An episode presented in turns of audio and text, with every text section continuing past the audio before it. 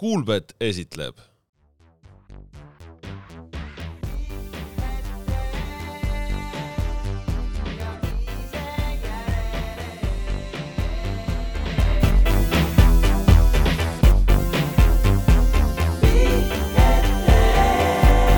tervitus, head jalgpallisõbrad, Sokkernet teie taskuhääling pikk ette ja ise järele alustab oma kahesaja viiekümne neljanda saatega ja mõistagi selleks, et rääkida kõige olulisemat jalgpallijuttu maailmas täna. minu nimi Kaspar Elissaar ja täna siin minuga koos Kristjan Jaak Kangur. väga pidulik sissejuhatus, tere. Ott Järvele. Unimüts Ott Järvele. Unimüts eee.... mis ma pean olema, siis toriseja? õnneseja? Hääletoonis natukene kolli praegu ei olnud, miks sa jälle kohe nii negatiivne? kõige tähtsam, et keegi meist kolmest ei oleks aevastaja. see on oluline. hea oleks tegelikult ka see, kui meil kaadri taga ei oleks aevastajat.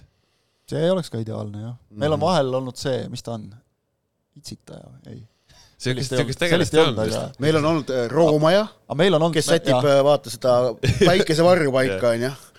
kõhistaja on meil olnud, okei okay,, ütleme ja. siis niimoodi, see sobib ka ilusti nimeks aga ma ei mäleta. ja neid... suunamudija muidugi. jah, ma ei mäleta neid äh, seitse päkavikku küll, aga mul kõik nimed küll meeles ei ole, kes, kes alustuseks nad olid pöialpoisid kas sina tõesti ei käinud äh, aastal kaheksakümmend kaheksa kosmosekinos vaatamas filmi Seitse pöialpoissi ja lumivalgeka? see oli siis äh, Ameerikast äh, toodud importfilm, multifilm ikkagi.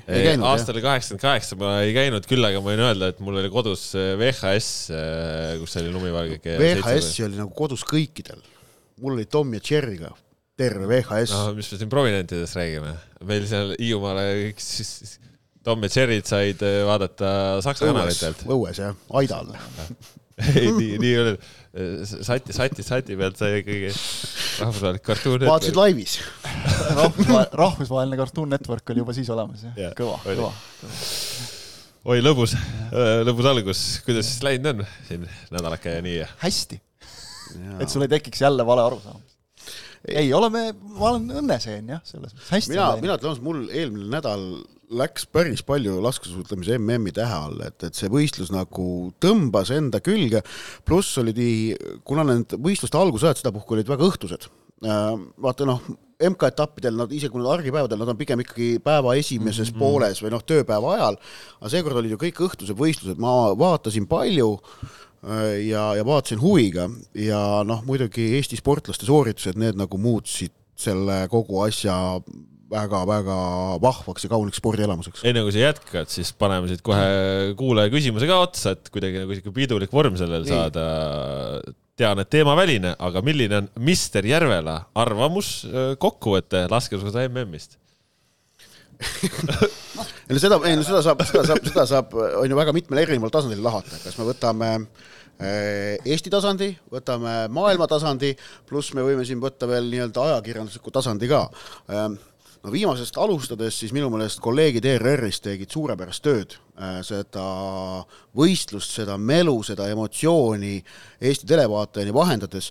Ja ma ei pea siin silmas nüüd ainult, mitte ainult seda aega äh, stardikellast viimase finišini vaid väga oluline oli ka see, kuidas oli täidetud võistluse eelne ja võistluse järgne ja vaheline aeg, et need taustalood, mida nad rääkisid, see oli väga-väga huvitav, näiteks eilses selles Viiest viis stuudios oli ju Prantsusmaa või vabandust, Norra lasketreeneri, see nimi mul ei tule meelde, noh, see kogu aeg tiirus näidatakse tollega pikk intervjuu Alvaril, väga huvitav, et kuidas tema näeb, et mis, mis on, mis on, kuivõrd palju nii-öelda psühholoogi abi peab, peaks üldse kasutama, et noh, ta on selle vastu, et ta leiab, et noh, et lasketreener peabki olema psühholoog. no mm. väga huvitav, kuidas ta näiteks näeb ja kõik need muid erinevad nüansid ka, see oli väga hea.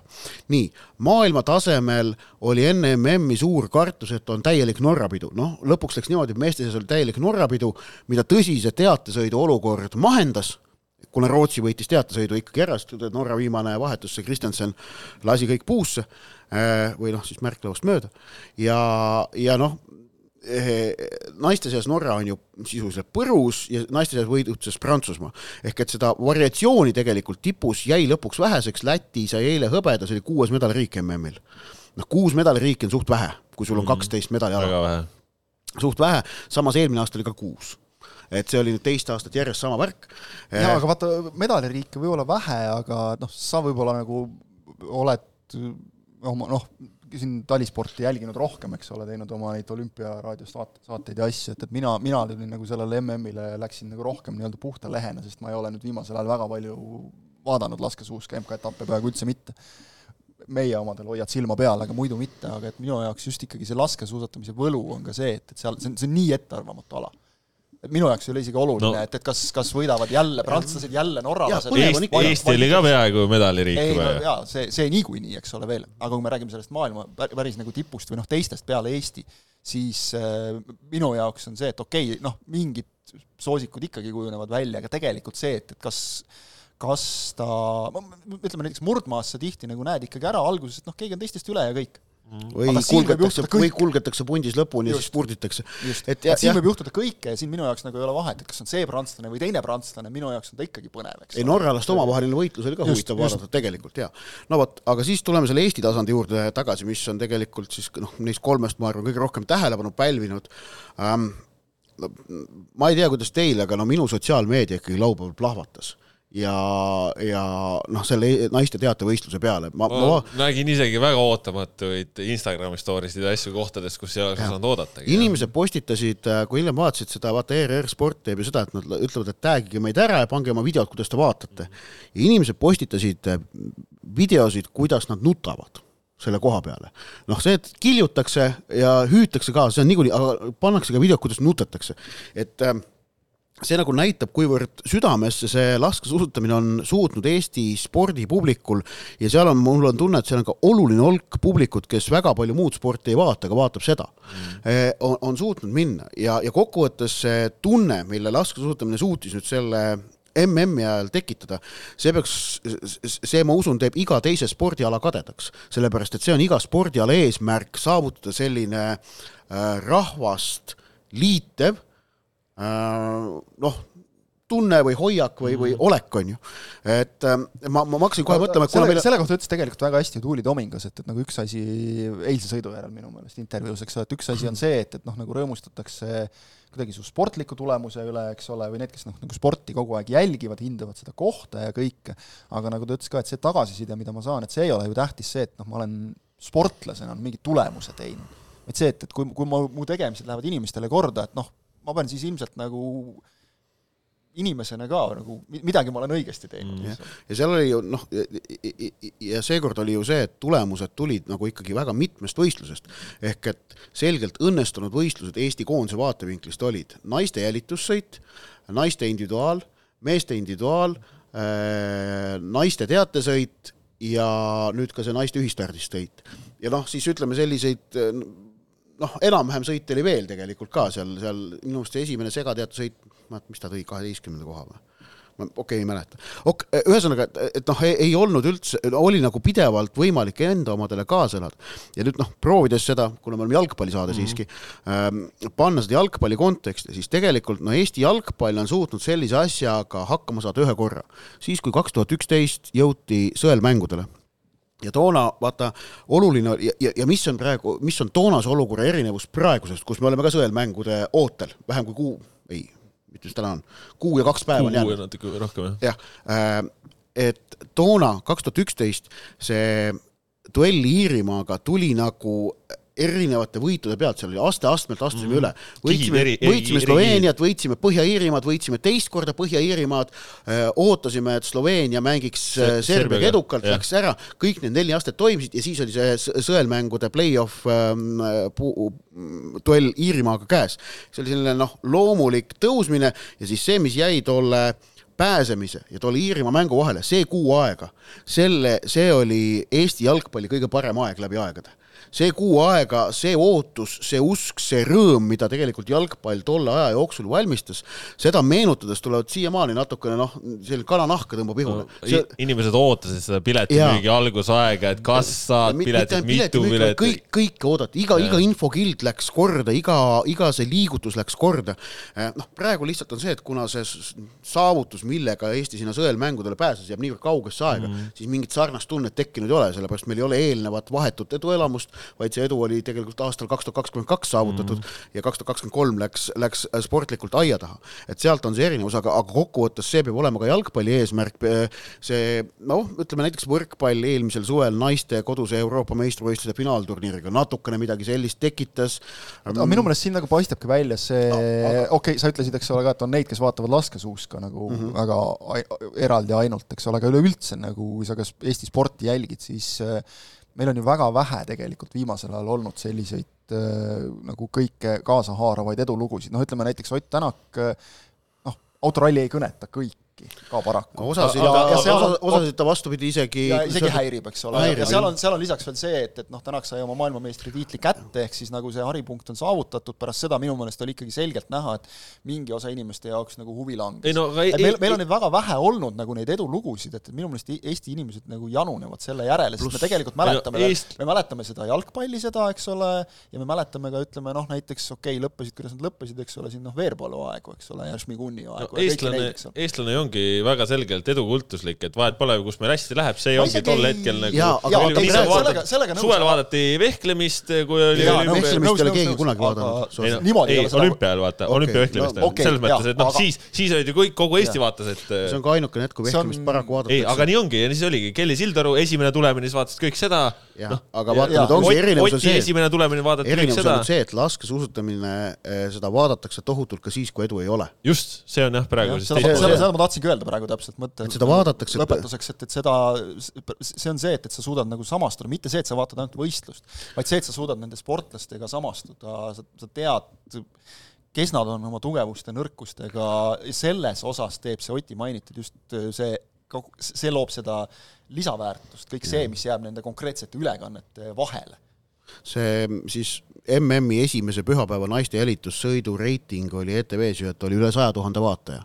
ma enne MM-i vist oli spordireporteris Susiga rääkides, spekuleerisin, et huvitav, et kas noh, kaksteist võistlust on MM-i ajal mm -hmm. kokku, et kas kaheteistkümne võistluse vaatajanumbrid kokku annavad miljoni või mitte noh, võimalik, et need, noh, ma ei tea täpselt, kuidas neid telereitinguid arvutatakse, millal sa võtad need järelvaatamised juurde ja noh, veebivaatamised, neid vist see, see reiting ei kajasta e, e, aga Emo, Emori see üldine telereiting tuleb üle Eesti ja nelisada boksi, kes vajutavad nuppu, et vaatavad telekat. aga, aga noh, ei, ruudulist kaustikutust enam õnneks ei ole, aga see ironiseerin natuke, aga palju, palju nagu ei puudu sellest põhimõtteliselt. aga, aga noh, et ainult selle Emori üldisega tuleb sinna miljoni lähedale ja kui sa paned kõik veebi ja muu juurde, mina näiteks vaatasin ka mõningaid võistlusi niimoodi, et noh, mängis, ma, mu kodus telekat ei saanud parajasti kasutada, see oli hõivatud pere nooremate liikmete poolt.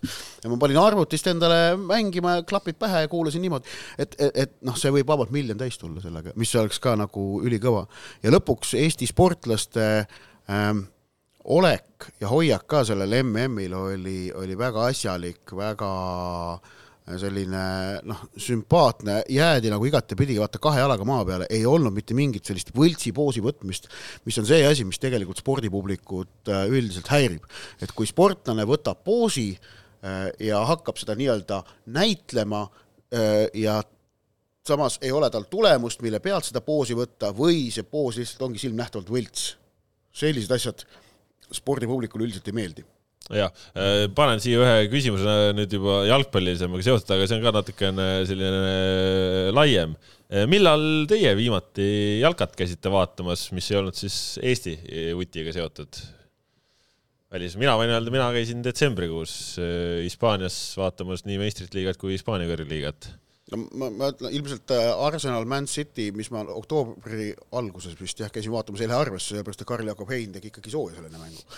Äh, loeme ära, loeme ära. noh. jah, jah, ei no see ei loe, siis päev varem oli välismaa. mul äh, Charlton Athletic, kurat, kellega nad mängisid? ei tule meelde, Charlton Athleticu mängu oktoobri alguses. oli hea mäng ilmselt nii, oli küll, Charlton lõpus suutis vigistada jah, ja, ja see, see staadion, The Valley, sa oled käinud, ei ole? see on täitsa nagu noh, Charltonist kohta öeldakse ikkagi Londoni klubi, aga noh, ta on Londoni kesklinnast ikka päris, päris kaugel sinna itta väga kena staadion, väga selline nagu natukene, see on nagu selline rongijaam on niivõrd väike nagu, nagu mingi küla. aga, aga siis nagu kõnnid sealt natuke edasi, jõuad selle staadionini ja, ja väga vahva koht oli. minul jääb vist äh, eelmisesse aastasse kindlasti, ma püüan praegu meenutada, millal me käisime, kevadel, Saksamaal, kevadel. et noh, järgmine plaan on juba lähemal kui eelmine.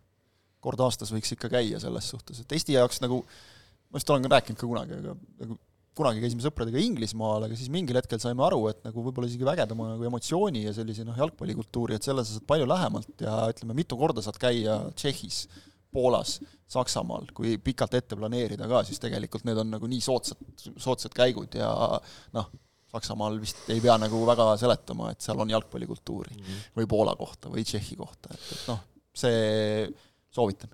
soovitan Sel... korra aastas nagu selline kas või teha niisugune pikem nädalavahetus sõpradega ja tegelikult mul on üldse silma torganud, okei okay,, meie paratamatult, meie tutvusringkonnas on ka inimesi rohkem, kes nagu jalgpalli niimoodi käivadki vaatamas, aga et tegelikult on päris palju on neid inimesi, kes teevad just selliseid sõpradega, selliseid sutsakaid nagu, ja tihti on see ka nii, et noh, on puhkus, mille käigus siis ka kogemata eksitakse mm. ühele-kahele jalgpallimängule.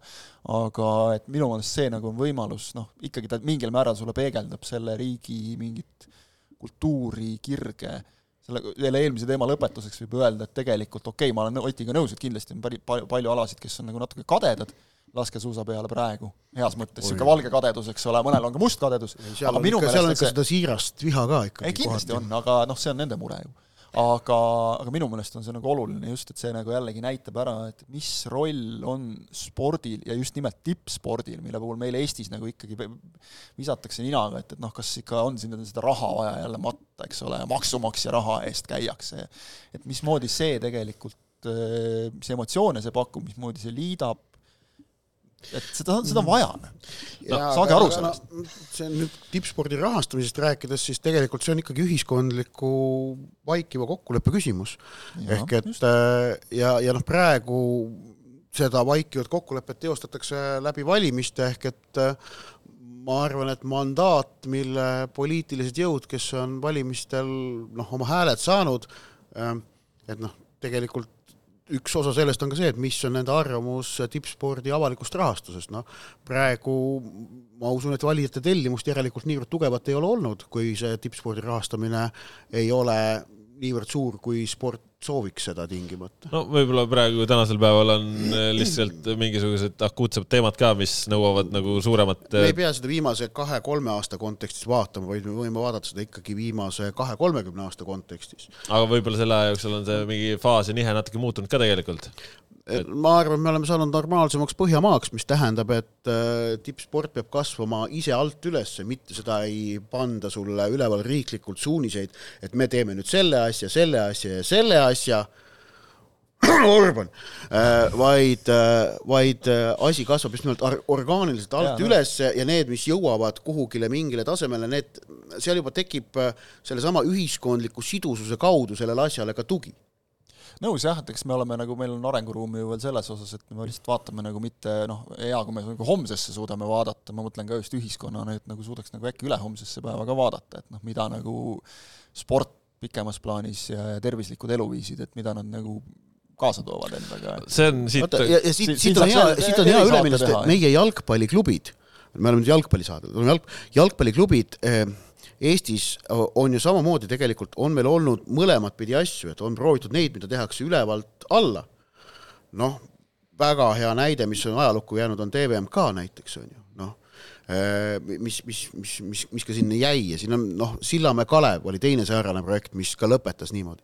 aga, aga jalgpalliklubid, mis on jäänud ajas püsima, neid ikkagi pigem on need, kes on, kes on kasvanud orgaaniliselt, mõne, mõni läheb nii-öelda noh, nagu öeldakse, et puu läheb välja, kui sa istutad ta või taim läheb välja mm.. jah, mõni nii-öelda tuleb ümber istutada, mis iganes.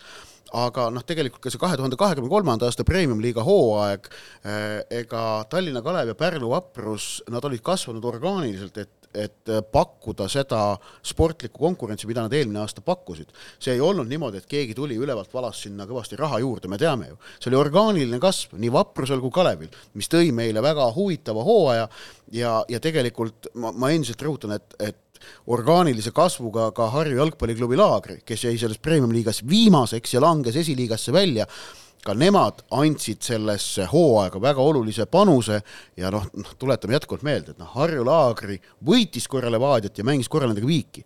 et noh, et kui me kaks tuhat kakskümmend üks saame rääkida sellest, kuidas Flora mängis tiitli maha Kuressaare vastu, siis e mullu me saime rääkida, kuidas Levadia mängis tiitli maha Harju vastu.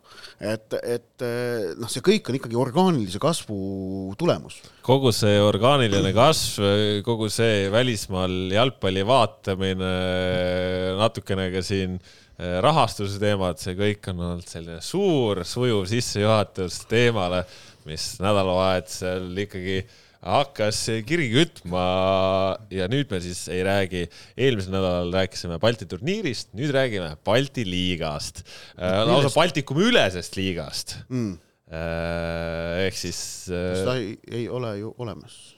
seda ei ole olemas, aga näevad, lätlased on, tahaksid. aga visioon ei, on olemas, suur visioon on olemas, lätlased tahaks väidetavalt. sa ütlesid lätlased, lätlane tahab, lätlane tahab ühesõnaga Krivune ehk siis Virsliiga praegune juht ehk siis nende kõrgliiga juht. Äh, see taust tahab vist natuke jah seletamist. Äh, on, ütleme siis The Guardiani maineka Inglismaa väljaande uudisloos siis ikkagi tõstatati teema, et, et kas Baltikum oleks nagu parim koht üldse, kus teha nii-öelda regiooniülene liiga ja seal selles mõttes väga selliseid huvitavaid pakkumisi tuli siukseid jutte sealt välja, et, et, et justkui kuna me oleme nii kultuuriliselt, suuruselt, oskuslikult oleme kõik sarnasel tasemel ja, ja et kuidagi, et oleks vaja see turg teha suuremaks ja, ja rohkem raha teenida ja paremat äh, võistlusmomenti pakkuda, et siis see oleks ikkagi jube hea asi, aga, aga näe. mul on nii äh, palju öelda, ma ei tea, kust alustada ra. raske, raske teha, sest eestlased on vastu ja. Äh, alustame, üks asi, mis asi, kultuuriliselt lähedased ma väidan vastu, et Eesti, Läti ja Leedu, kui me räägime spordi sees kultuurist, ehm, tegelikult ei ole liiga lähedased, vaid seal ikkagi Eesti ja Läti vahel jookseb suht selge piir. ehk et äh, mõttelaad on ikkagi Lätil ja Leedul natukene teistmoodi kui Eestil oluliselt teistmoodi. kui sa pead nagu valima, et kas me oleme sarnasemad Soomega või Lätiga, siis ma valiks igal juhul Soome. me oleme, me oleme pigem Soome, Soome, Soome spordiruumiga sarnased. natukene ka võib-olla soom-, soovmõtlemine mingite nurkade all, sest meil ju ikkagi on tegelikult ka seda slaavi eh, kultuuri on eh, teatud klubides ja asjades on ju ikkagi ka jõuliselt sees, kui aga me jõuame me ühe, just... ühe saate hilisema teema juurde. aga me rääkisime vaata just praegu sellest nagu suundadest, eks ole, viimastel aastatel ja, ja tegelikult see suundumus minu meelest on just ikkagi nagu selle, selle poole, et äh, seda kultuuri jääb järjest vähemaks ja järjest rohkem nagu antakse mõista, et see, me, me ei taha seda nagu näha. ja kui me nüüd, ärme nimetame seda slaavi kultuuriks, mina nimetan seda ikkagi nagu mingisuguseks lihtsalt muuks mentaliteediks, et, et kuidagi keegi on sulle midagi võlgu ja midagi peab saama selle eest, et sa olemas oled, aga sellest me jõuame rääkida hiljem. ja, ja noh, kui sa meenutad seda kunagist äh, Balti liigat, mis oli selles mõttes täiesti mõttetu, et kuna seal neist mängudest ei sõltunud mitte midagi, siis tegelikult keegi ei võtnud neid asju piisavalt tõsiselt ja ja, ja see... nende, kes raha hakkasid panema. jaa, seal noh, sai kihlveopettustega tegeleda. no siis see on, see tegelikult on, sellest ei saa nagu päris lihtsalt niisama mööda libiseda, vaid Balti liiga üks suuremaid probleeme oligi see, et toitis väga jõuliselt kihlveopettuseid. no see oli üks probleem, aga peamine probleem oli see, et neist mängudest ei sõltunud mitte midagi see, et sa võitsid Balti liiga või ei võitnud või, või langesid välja, sellega tegelikult mingit sisulist tagajärge sellel ei olnud, need mängud ei muutnud mängijate karjääre, need äh, võistlused ei muutnud klubide jaoks midagi, nad ei saanud selle pealt eurosarja, nad ei, mis on noh, see ikkagi mm -hmm. eesmärk, millele meil mängitakse. ja, ja noh, tegelikult oleme ausad, ega see Balti liiga ei köitnud ka publikut ei, ei olnud, ega ka sponsoreid. jah, ei olnud mingit suuremat äh, publiku huvi nende mängude vastu kui, kui muude mängude vastu äh,. nii et noh, ta oli selles mõttes oli ta hädine asi äh,, aga äh,, aga, aga jah, et see kultuuriline asi, et äh, tegelikult ikkagi see noh, tuleb vaadata, kuhu suunas äh, on meie kolmel riigil ennekõike ärimajanduslikud suhted ja no Eesti ja Soome on viimase kahekümne aasta jooksul oluliselt tihedamalt kokku kasvanud pärast seda, kui Eesti Euroopa Liiduga liitus. noh, me teame, palju meie, palju eestlasi elab Soomes ja, ja sellised kultuurilised sidemed ja see, see noh, mõttelaad säärastes, säärases olukorras paratamatult tiheneb ja, ja me sarnaneme üha rohkem selles mõttes teineteisele ja mis on, mis on siin veel huvitavat sellest Guardiani artiklist, natukene selline mulje Krivunexi siis jutu põhjal, et justkui et UEFA nagu on ka kuidagi väga toetav ja et äh, tehke nii ja kõike naa, aga noh, reaalne pilt tegelikult on see, et UEFA seda asja ei toeta ja, ja eurokohtadega äh, selles mõttes eurokohad tulevad ikkagi riiklikelt meistrivõistlustelt, nii on ja, ja see, sihukest asja, et, nüüd panete mingit ühisliigat ja siis äh, saate seal veel eraldi mingeid asju, et noh, sihukest asja ei ole olemas tegelikult. minu, meelest see nagu jutt toetus väga osavalt sellele, et eh, noh, vaadake, et meil on siin olnud, eks ole, superliiga, mis mingit koht, koht, kohut endiselt seal nagu mm. käiakse ja üritatakse vaielda siiamaani, et, et äkki ikka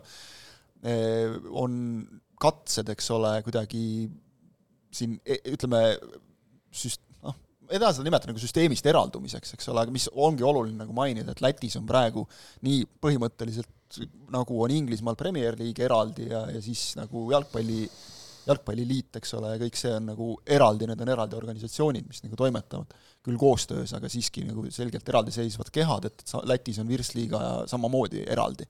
mida nüüd tahetakse muuta, mis noh, ütleme, Krivonjaksi motiividest annab ka natukene aimu, et tal on vaja praegu pildis püsida, eks ole pluss seal on ka tulekul valimised ja me teame, mis juhtub enne valimisi, eks ole. ehk siis noh, taust, taust ongi aga... natuke see, et see on, see on praegu Krivoneks, ütleme, teeb see endale kampaaniat natuke. no ütleme niimoodi, aga, aga see, minu meelest see oli nagu väga osavalt välja mängitud, vaadake, et kuna me elame sellises muutuvas maailmas, kus noh, juba kohe-kohe-kohe kukesammu kaugusel on see, et et hakatakse siin mingeid liigasüsteeme, asju ümber mängima, et klubide mingi otsustusõigus kasvab järsku. et noh, kaugel siis seegi enam, kui me saame ka niimoodi nagu seda Balti liigat mängida ja siis sealt nagu sujuvalt läks see jutt edasi, et eh, noh, umbes nii, et küll siis UEFA ka leebub et see oli natuke sellise tooniga, et, et jah, see, see oli väga osavalt välja mängitud.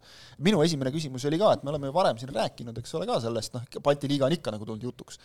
enamasti siis, kui eurosarjas läheb kehvasti, mis minu meelest on ka nagu see, et ei saa võtta ühe hooaja pealt seda, et, et noh, eelmised hooajad Eesti klubidel eurosarjas keegi oli alati ju, on ka teinud mingi eduloo, eks ole. eeldada nüüd, et meil siin teevad, ma ei tea, neljast klubist kolm või, või noh, isegi pooled igal aastal eduloo, eks ole, natukene naiivne samamoodi ju tegelikult on praegu olnud näha, äh, Eestil on olnud üks klubi alagrupis, Lätil on olnud üks klubi alagrupis, Leedul on olnud, eks ole. see võib-olla tekitab tunde, et, et noh, kui nüüd paneme nüüd seljad kokku, et siis meil on umbes igal aastal igast riigist kaks klubi, noh see kindlasti ei hakka nii juhtuma, sest et see, me jääme selliseks väikeseks maanurgaks Euroopa jalgpalli mõistes ja ma ei usu, et, et see võimaldab nagu siia nüüd mingeid meeletuid rahavooge rohkem juurde tuua. ja, ja võttes selle jutu siis nagu selle nurga alt kokku, siis siis see reageerida nagu selle peale ainult, et nüüd Lätis oli ka samamoodi, noh nagu meilgi tegelikult, eks ole, et kaks esimest on tihedalt koos ja siis on sul mingi meeletu, mingi mitmekümnepunktiline vahe, noh Leedus näiteks seda ei olnud, eks ole, võib-olla mingil teisel hooajal on jälle teistmoodi. Eesti samamoodi saab praegu reageerida ka selle nurga alt, et vaadake, kui tasavägine liiga meil oli, samas meil puuduvad igasugused garantiid, nagu jalgpallis ikka, et see hooaeg samasugune tuleb. võib-olla meil on sel hooajal poole hooaja pealt kõik klaar aga noh, siin igasugu, kogu see süsteem ja kõik see, selle ümber võib veel nagu pikalt-laialt rääkida no,, see on nagu see pool. aga, aga, aga noh, seal ongi selles mõttes huvitav, et see äh, versioon, mida seal artiklis mainiti ka, on ju, et et mängite pool hooaega, mängite kodumaal ära ja siis suvel teeme, hakkame siis Balti liigat mängima, noh suvel sel ajal hakkavad kõik need ju edukad klubid eurosarju mängima, et mis, kes seda Balti liigat siis mängib, mängitakse duublitega, noh. no ja kui sa mängid duublitega, mis, mis suur võistlus see on siis, mida kõik tahavad, noh ja... pluss siis see, et kui sa pooleks lööd, siis on see, et neli ja kuus, eks ole, et, et siis see tagumine kuuik, noh, ma vaatasin eelmise hooaja tabelit, okei okay,, see on Eestis nüüd jälle erand, eks ole, kindlasti leiab ka teistsuguseid hooaegu, aga et eelmisel hooajal oleks me kaheksateist vooru järel pooleks löönud, siis meil oleks tagumisse poolde jäänud näiteks nii Kalju kui Paide, kes olid viies ja kuues vastavalt, eks ole, et noh, jällegi, mis selle Paide nagu motivatsioon siis oleks seal lükata ja siis mängida hooaja lõpus, nagu see süsteem ette nägi, kolmanda koha meeskonnaga siis järsku äh, eurokoha peal. muidugi jah, ütleme siis sel hetkel esinelikus olid Kalev ja Vaprus, et noh, nende jaoks see oleks kõva sõna, aga kui nad siis mängivad seal ainult äh, Läti ja, ja Leedu ja ka Eesti tippudega, et, et noh, siis nad saavad seal ju ka lakki jälle tõenäoliselt suhteliselt palju, et, et noh, kas see nüüd nagu neile ka nii hea on ja ma ei tea. väga mitu asja, et no jah, sellest viimasest asjast alustades siis noh, selline, selline moodustis tekitaks kastisüsteemi. asi, mille vastu tegelikult me oleme nüüd näinud viimasel paaril hooajal, on või noh, on Eesti kõrgliiga olnud nüüd üle pika aja või noh, ongi olnud säärane, nagu me tahame, et ta oleks, ehk ta on tasavägine, kus kõik võivad kõigilt punkte võtta. Ja, ja noh, selle olukorrani jõudmine, kes arvab, et see on olnud nagu juhus, ei ole, et see on olnud just nimelt klubide orgaaniline kasv, mida omalt poolt äh, on toetanud väga selgelt Jalgpalliliit oma erinevate, noh, nimi on see solidaarsusmehhanism, aga tegelikult need asjad on aidanud neid tasemevahesid kõrgliiga sees kokku traageldada ja tekitada seeläbi põneva võistluse. nüüd äh, sellest põnevast võistlusest loobumine tähendaks kogu senise töö äh, prügikasti viskamist, mitmetelt klubidelt lootuse võtmist mitmetelt klubidelt äh, sellise reaalselt püütava sihi äravõtmist, äh, sest et äh, kõrgliigasse jõudmine näiteks ei oleks enam sedavõrd ahvatlev, kui ta on praegu. praegu on see, et noh, et kui sa oled, kui sa jõuad läbi sportliku pingutuse premium-liigasse, sa tead, et sind ootab ees vähemalt terve hooaeg noh, Eesti mõistes tipptasemel võistlust, mis on korralikult korraldatud, kus sa saad naudingut tegelikult, selle võistluse pakutavat naudingut aasta läbi kogeda. Äh, sellise formaadi puhul midagi säärast ei oleks. see on, see on üks asi, et tegelikult ma, ma meelde, Eesti. Eesti kõrgliigal äh, noh, see, see, kuhu on praegu jõutud, siis see oleks kardinaalne suunamuutus, mis tähendaks kastisüsteemi teket. see põnevuse aspekt, see ka, et, et muidugi nagu äge on mõelda, et, et kui meil siin mängib, ma ei tea, Levadia mängib RFS-iga, et noh, vaat kus vaataks, eks ole, et meid on ära tüüdanud see, need neli ringi, ma tuletan meelde, et siis tekivad sul vähemalt hooaja esimeses pooles ka sellised mängud, kus äh, äh ma ei tea, Trans mängib seal Taugavpilsiga ja, ja Kuressaare mängib noh, kes seal olid, Suduvaga või, või mingi Mariampolega, eks ole, no Mariampole meeskonnaga, et noh, kas me nagu seda, kas, kas sellel oleks ka rohkem huvilisi kui Transi ja Kuressaare omavahelisel mängul, ma julgen kahelda no.. rahvusvaheline selles... jalgpall pakub huvi siis, kui ta on ettearvamatu ja kui sellest midagi väga selgelt sõltub. aga praegu selle Balti liiga, oletame noh, selle projekti järgi ka, et see, kes selle võidab või ei võida, sellest ei sõltu mitte midagi. ja rahvusvaheline jalgpall, noh et miks eurosarja mänge vaadatakse, on see, et sa tegelikult ju ei tea, kelle sa seal vastu saad. noh, kui staadionile tuled, siis sa juba teadki, kellega sa mängid. aga ennem noh, see, see on iga aasta on ta ikkagi natukene uutmoodi, natukene teistmoodi, ta ei ole ootuspärane, sa, aga Äh, see oleks ju noh, täpselt teada enam, kes seal omavahel mängivad, pluss kui me vaatame nüüd ka korvpalli ja võrkpalli näiteid, siis Just ei ole niimoodi, et, et, et Läti või Leedu klubidega peetavad mängud tooksid saali publikut rohkem, tegelikult nad toovad vähem.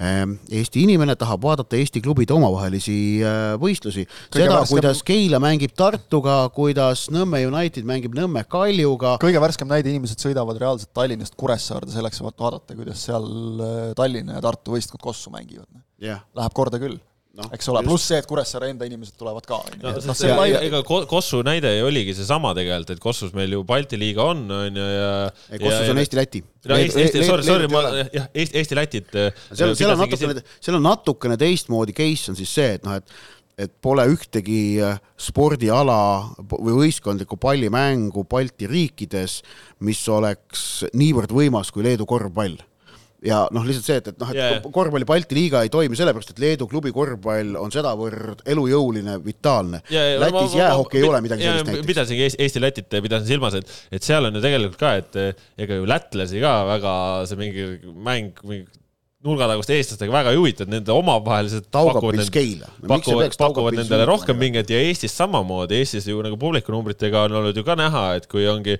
noh panebki Rapla paneb Pärnuga, siis see on natuke teine asi, kui, kui Rapla paneb noh, a la Taugapilsiga ja tegelikult mul siit on tuua väga otsene näide sellest talvest, meie oma Liivimaa talliliiga, me räägime hooaja ettevalmistusest praegu onju, Liivimaa talliliiga.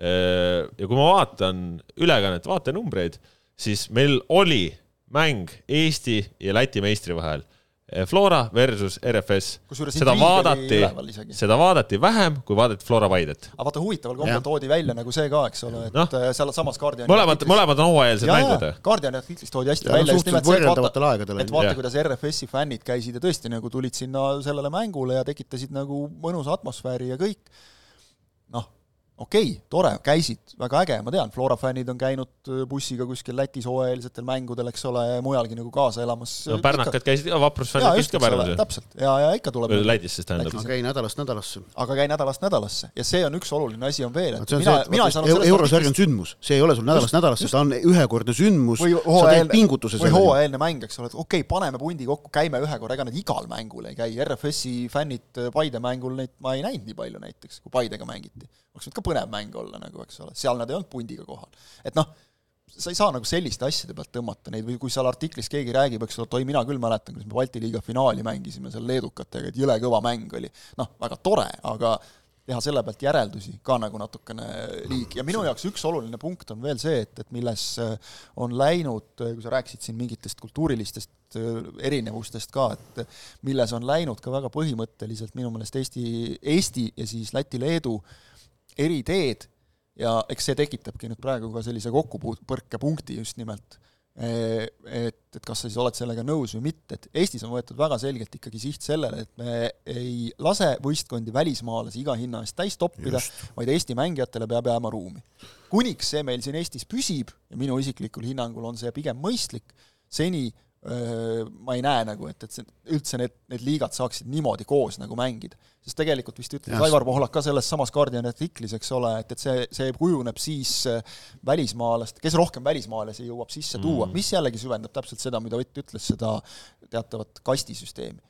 ja noh, sellele, sellest jälle eraldi võib jaurata pikalt, eks ole, aga lihtsalt minu, puhtalt minu arvamus on see, et ma ei saa aru sellest loogikast, et kui me toome välismaalasi, siis see tõstab tohutult liiga taset, sest minu küsimus on see, mismoodi te täpselt kujutate ette või mismoodi arenevad need kohalikud mängijad, kui nad mängida saavad nende välismaalaste vastu trennis peamiselt. kui sa vaatad neid algkoosseise, millega mängivad kas või eurosarju need Läti klubid, Leedu klubid, siis seal on paar lätlast või leedukat on algkoosseisus. ei no selles mõttes, ega see, noh, see välismaalaste teema, sellest me oleme siin ju palju jahunud, et, et suurendame limiite ja nii ja naa, aga et no mis, sa võid selle limiidi panna kahekümne peale ka, aga kui sa, sa tood, noh nagu reaalselt nagu kaikaid, kes nagu ei paku sul liigale mitte midagi, et noh, siis sealt pole lihtsalt tolku, vaata. ja siin ongi see konks, et okei okay,, RFS võib tuua endale ühe selle, mis ta iganes ta eesnimi oli, selle Ilitši, eks ole, kes mm, -hmm. Aleksander äkki yeah.. Ilitši, eks ole, kelle sa müüd siis äh, Volerengasse, siis Volerenga müüb ta sealt äh, pool aastat hiljem juba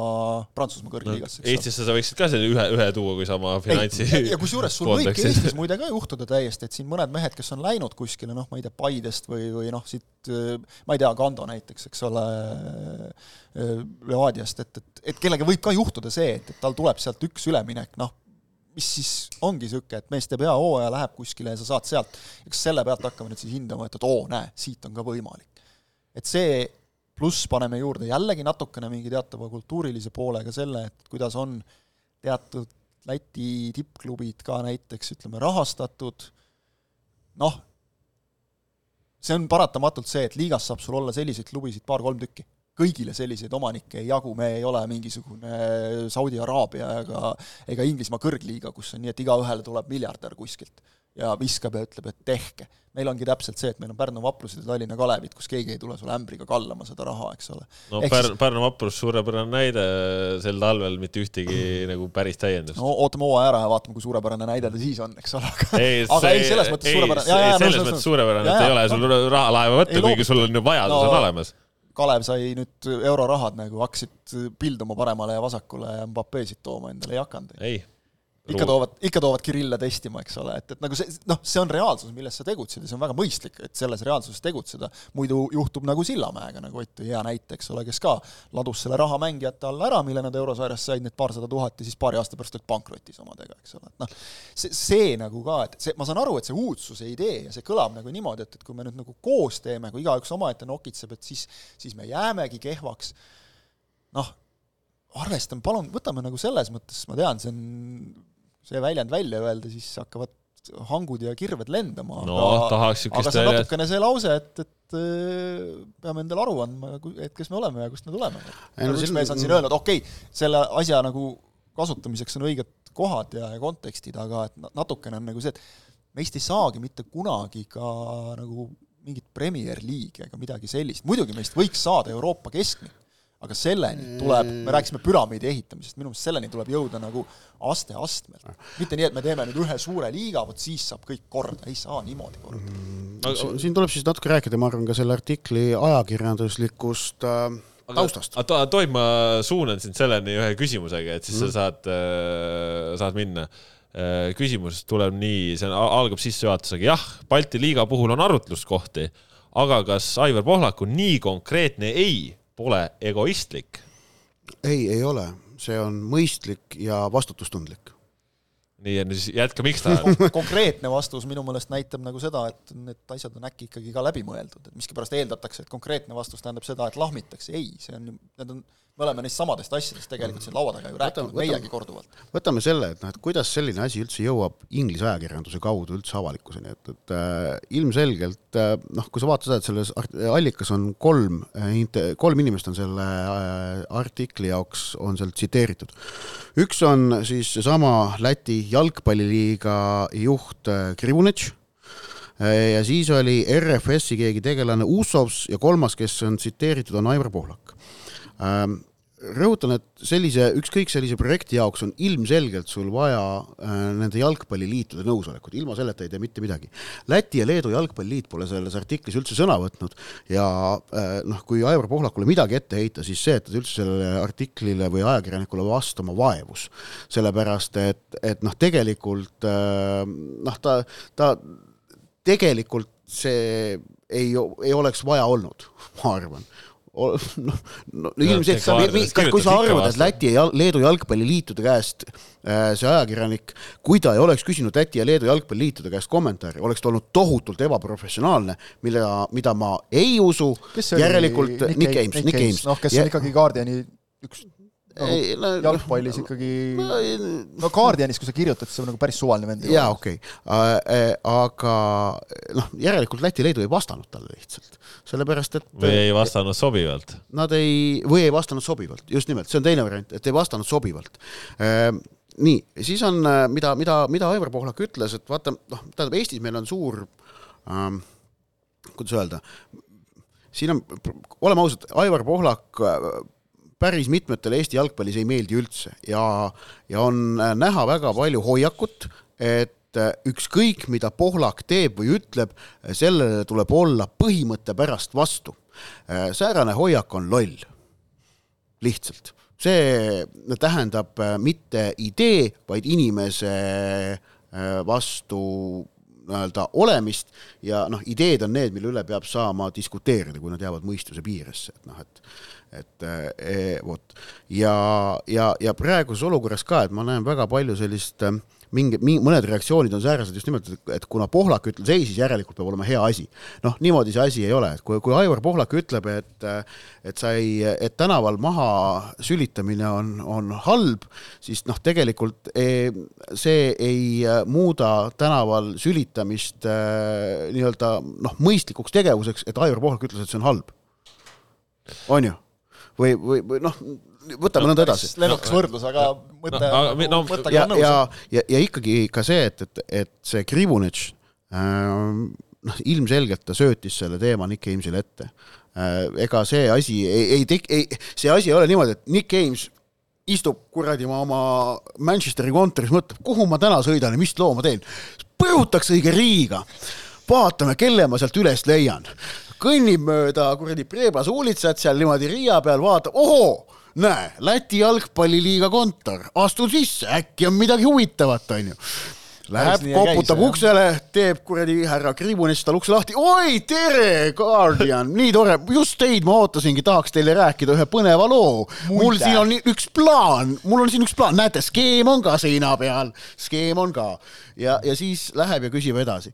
no tegelikult need asjad niimoodi ikka ei juhtu, vaid, vaid siin on ähm, noh, näha on, et on tegemist olnud äh, eduka infooperatsiooniga nii see tänapäeva ajakirjanduses ka käib, eks Jah. ole, õnneks või kahjuks nii ja, ta ja on. miks, miks The Guardian selle asja nagu äh, nii-öelda konksuks võttis, nende vaatevinklist muidugi see teema on tegelikult huvitav. Põnev. sest see on, Guardianile meeldib kajastada jalgpalli kirevust ja Jah. kahtlemata säärane projekt oleks pretsedent. no ja aga... ja, ja kogu see ju sissejuhatus algas ka tegelikult ka ju sellest samast Liivimaa talliliigast, mis mm -hmm. ettevalmistusturniirina, et kaks riiki on pannud jõud kokku, noh, see ongi kihvt ja see ongi väga hea vaheldus ja, ja noh, seal Sellest- täpselt nii nagu saamegi, et no, kõik mängivadki Läti klubil on äh, üheksa tumedat samas- poissi. jaa, samas- aga noh, sa ütlesid, publikut äh, see niivõrd väga ei huvita või vähemalt noh Jah,, meie numbrid jah. ei olnud, vaatajanumbrid niivõrd head ei ole. samas ma olen aru saanud, et klubid on jällegi äh, nii Eesti kui Läti omad on selle projektiga väga rahul just nimelt sellepärast, et nad ei pea mängima neid ettevalmistusmänge ongi- palju oma riigi klubidega just-, kellega neil niikuinii hooaja jooksul neli korda ei, see Liivimaa talliliiga, jah. selles, see nagu selles kontekstis ongi ju noh, ideaalne nii-öelda. Et, et sel-, sellisel moel ta toimibki väga hästi, aga noh, vaatame veel, mis, mis, mis see Poolak siis ütles ka, et kes ei ole, ei ole, ei ole luge-. ma seda tahan ka öelda ja siis, et structure of football remains somewhere in the last century, see on tegelikult õige ja see, see, see, see võib mitte meeldida ja selles ei ole süüdi Eesti Jalgpalliliit äh, või, ja, ja noh, muuhulgas ka lause, mida viimasel ajal armastavad kasutada, et kolmkümmend aastat oleme jalgpalli arendanud, mitte kuhugi pole jõudnud, see on puhas vale.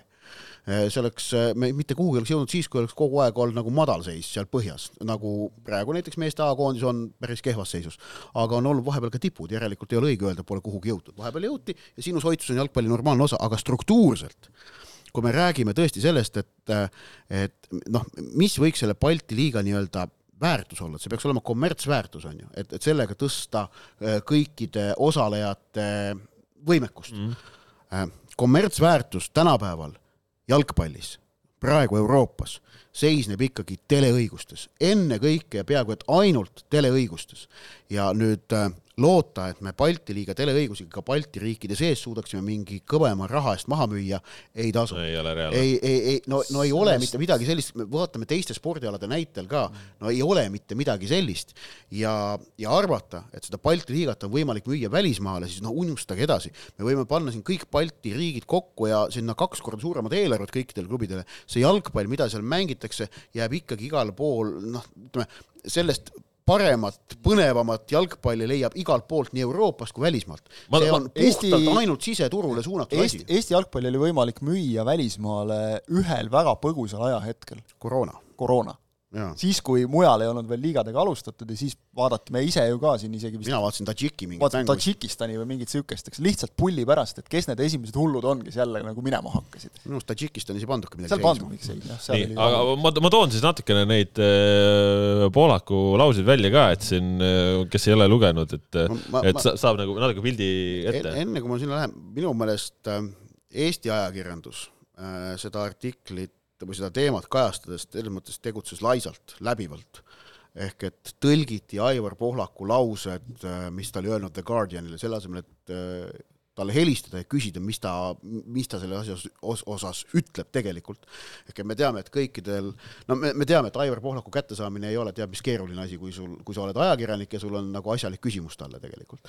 et, et seal tegelikult oleks tulnud äh, pöörduda Pohlaku poole otse ja küsida, sellepärast et praegu me noh, tõlkimise tõlkimine ei ole mõte, mõistlik aga ja mul on siin natukene on neid äh, vastuseid ka, mis võib-olla kõik ei ole igal, igal, igalt poolt läbi käinud, aga noh, natuke, natukene, mis on läbi käinud, natuke, mis ei ole läbi käinud, on ju. mis Poolak äh, siis räägib, räägib seda, et esiteks meie turuolukord on väga erinev Läti ja Leedu omast, kus on siis jalgpallis emotsionaalne raha on saadaval, et eh, ehk siis lühikeses perspektiivis eestlased oleksid kindlasti kaotajad eh, selles, et Eesti ainus nagu variant midagi korda saata jalgpallis on luua oma siis finantsmudel, mida on siin praegu loodud solidaarsusmehhanismide näol, mis on selles mõttes noh, ütleme ikkagi erakordsed, et mujal Euroopas sellist asja ei ole, et alaliit maksab mängijate palkasid, onju. ja, ja siis ongi, et, et luua see oma finantsmudel on üks asi, aga, aga eelkõige sportlikult äh, on siis nagu eestlaste ainus viis luua väga organiseeritud, hästi organiseeritud ja kvaliteedile keskenduv noortetöö, et äh, mille kaudu siis äh, nagu uusi tippsportlasi kasvatada, onju, et mitte seal siis rahapakkidega tuua välismaalasi. nii, mis ta veel räägib, ta räägib sellest, et Äh, noh, seda ta rääkis ka seal The Guardiani artiklis on ju, et eks ta läheks selliseks võistluseks, et kes toob paremad äh, välismaalased, et Eesti on äh, väike riik ja, ja väike rahvus ja, ja Eesti äh, nurga alt äh, tuleb nagu praegu mõelda ainult sellele, kuidas oma jalgpallikultuuri äh, arendada ja kasvatada, siis ta ütleb seda, et Eesti, Läti ja Leedu jalgpall on väga erinevates arenguetappides äh, ja väga erinevate prioriteetidega siis ta see on väga-väga oluline no,. see on, see on vist see, millest me juba nagu rääkisime ka, eks ole, aga lähenemised on väga erinevad. ja siis, siis ta ütleb seda, Äh, küsite, ongi, et kas UEFA võiks sellise asjaga kaasa minna, Aivar Poolak vastus kindlasti mitte, et ta ei usu seda, et UEFA siin mingitki, mingitki jah-sõna sellele asjale annaks, et nagu säilitada nii-öelda eurokohad, siis on ju, kui on nagu Baltikumi ülene liiga.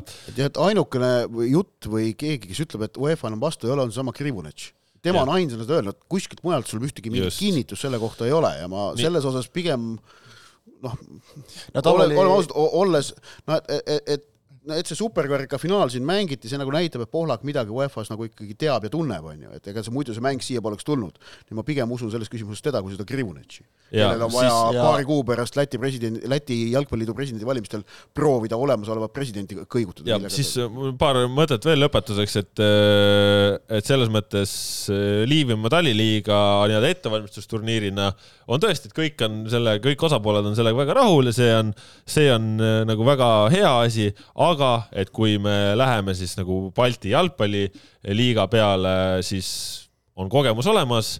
Äh, see ei toonud ei uusi sponsoreid, küll aga tõi tohutu laine kihlveopettuse probleeme mm, -hmm. et no ja ärme äh, seda ka unustame veel, et, et me räägime siin kogu aeg nagu see, et, et vaata, et näed Riiast Tallinnasse ja, ja Pärnust, ma ei tea, Riiga ja kõik niisugune, nagu Tallinnast Leetu. Vilniuse Kaunas on ka ikka seal all otsas kuskil, eks, Tallinnas, kuidas sa hakkad lennukiga hakkama käima mm. või? et see võtab ju kas või ära sul noh, päeva. sa ei sõida näiteks õhtuse mängu järel, sa sõidad tagasi, jõuad, ma ei tea, hommikuks jõuad koju või et, et noh, see nagu minu meelest see ei ole ka logistiliselt väga nagu läbimõeldud. ja, ja, ja no mida Poolak siis ka veel ütleb, Poolak ütleb seda, et praegune Euroopa jalgpallimudel annab tegelikult meie klubidele sihi, eesmärgi äh, suuna, mille poole püüelda ja tema ei usu, et, et äh, siin peaks kuidagi seda äh, väga palju raputama, et äh, siin ongi, ütleme, eurosarjade muutumistega, värkidega ongi ju tekkinud need täiendavad võimalused, noh, Eesti klubi on jõudnud sinna konverentsi liigasse, on ka ütleme, et UEFA poolt solidaarsusmehhanismid kasvavad, praegu nüüd siis eurosarjade reform, mis toob kaasa, toob kaasa seda, et eurosarjadest tuleb rohkem raha, ehk siis äh, solidaarsusmaksed nüüd suurenevad veelgi tänavu suvel jah, olema Just. suuremad ja, ja vot lühike kokkuvõte Poolakust. kolme eurosarja laienemine iga, igas ühes on nüüd neli klubi rohkem kui ennem oli, varasema kolmekümne kahes on kolmkümmend kuus äh, uuest hooajast. see tähendab, et tegelikult ka väikestel riikidel jällegi sinna konverentsi liiga alagrupi pääsemise šanss natukene selle arvelt äh, kasvas ähm,. nii et jaa e, no ei ole mõistlik plaan lihtsalt, sõbrad no see, see Balti liiga, no ei ole ühestki otsast Eesti jalgpalli jaoks mõistlik plaan.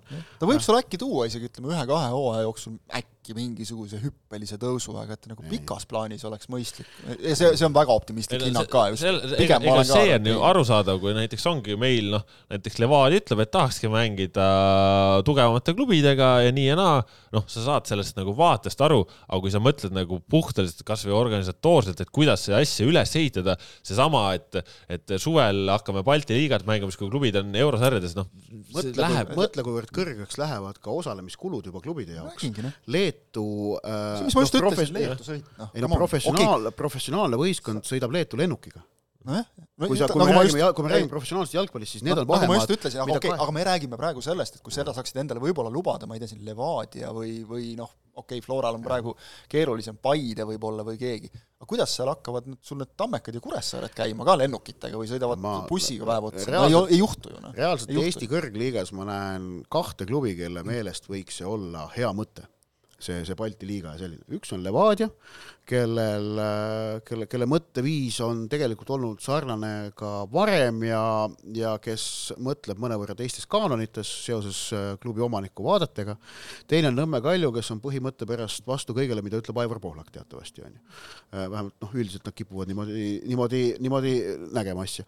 aga näiteks Paide linnameeskond äh, Äh, kelle presidendi Veiko Veskimäe minu meelest selline üks kreedo, mida ta on ikka armastanud rõhutada, on see, et tema usub elu võimalikkusesse enda kodukandis Järvamaal, kus ta on üles kasvanud ja et, et Paide linnameeskond tema jaoks olulisel määral ka missioon, millega ta edendab kohalikku elu, siis äh, Balti liiga äh, kõikide, nii, nii Paide kui ka teiste väiksemate Eesti kohtade äh, sideme tippjalgpalliga pigem raiuks läbi, kui tugevdaks seda.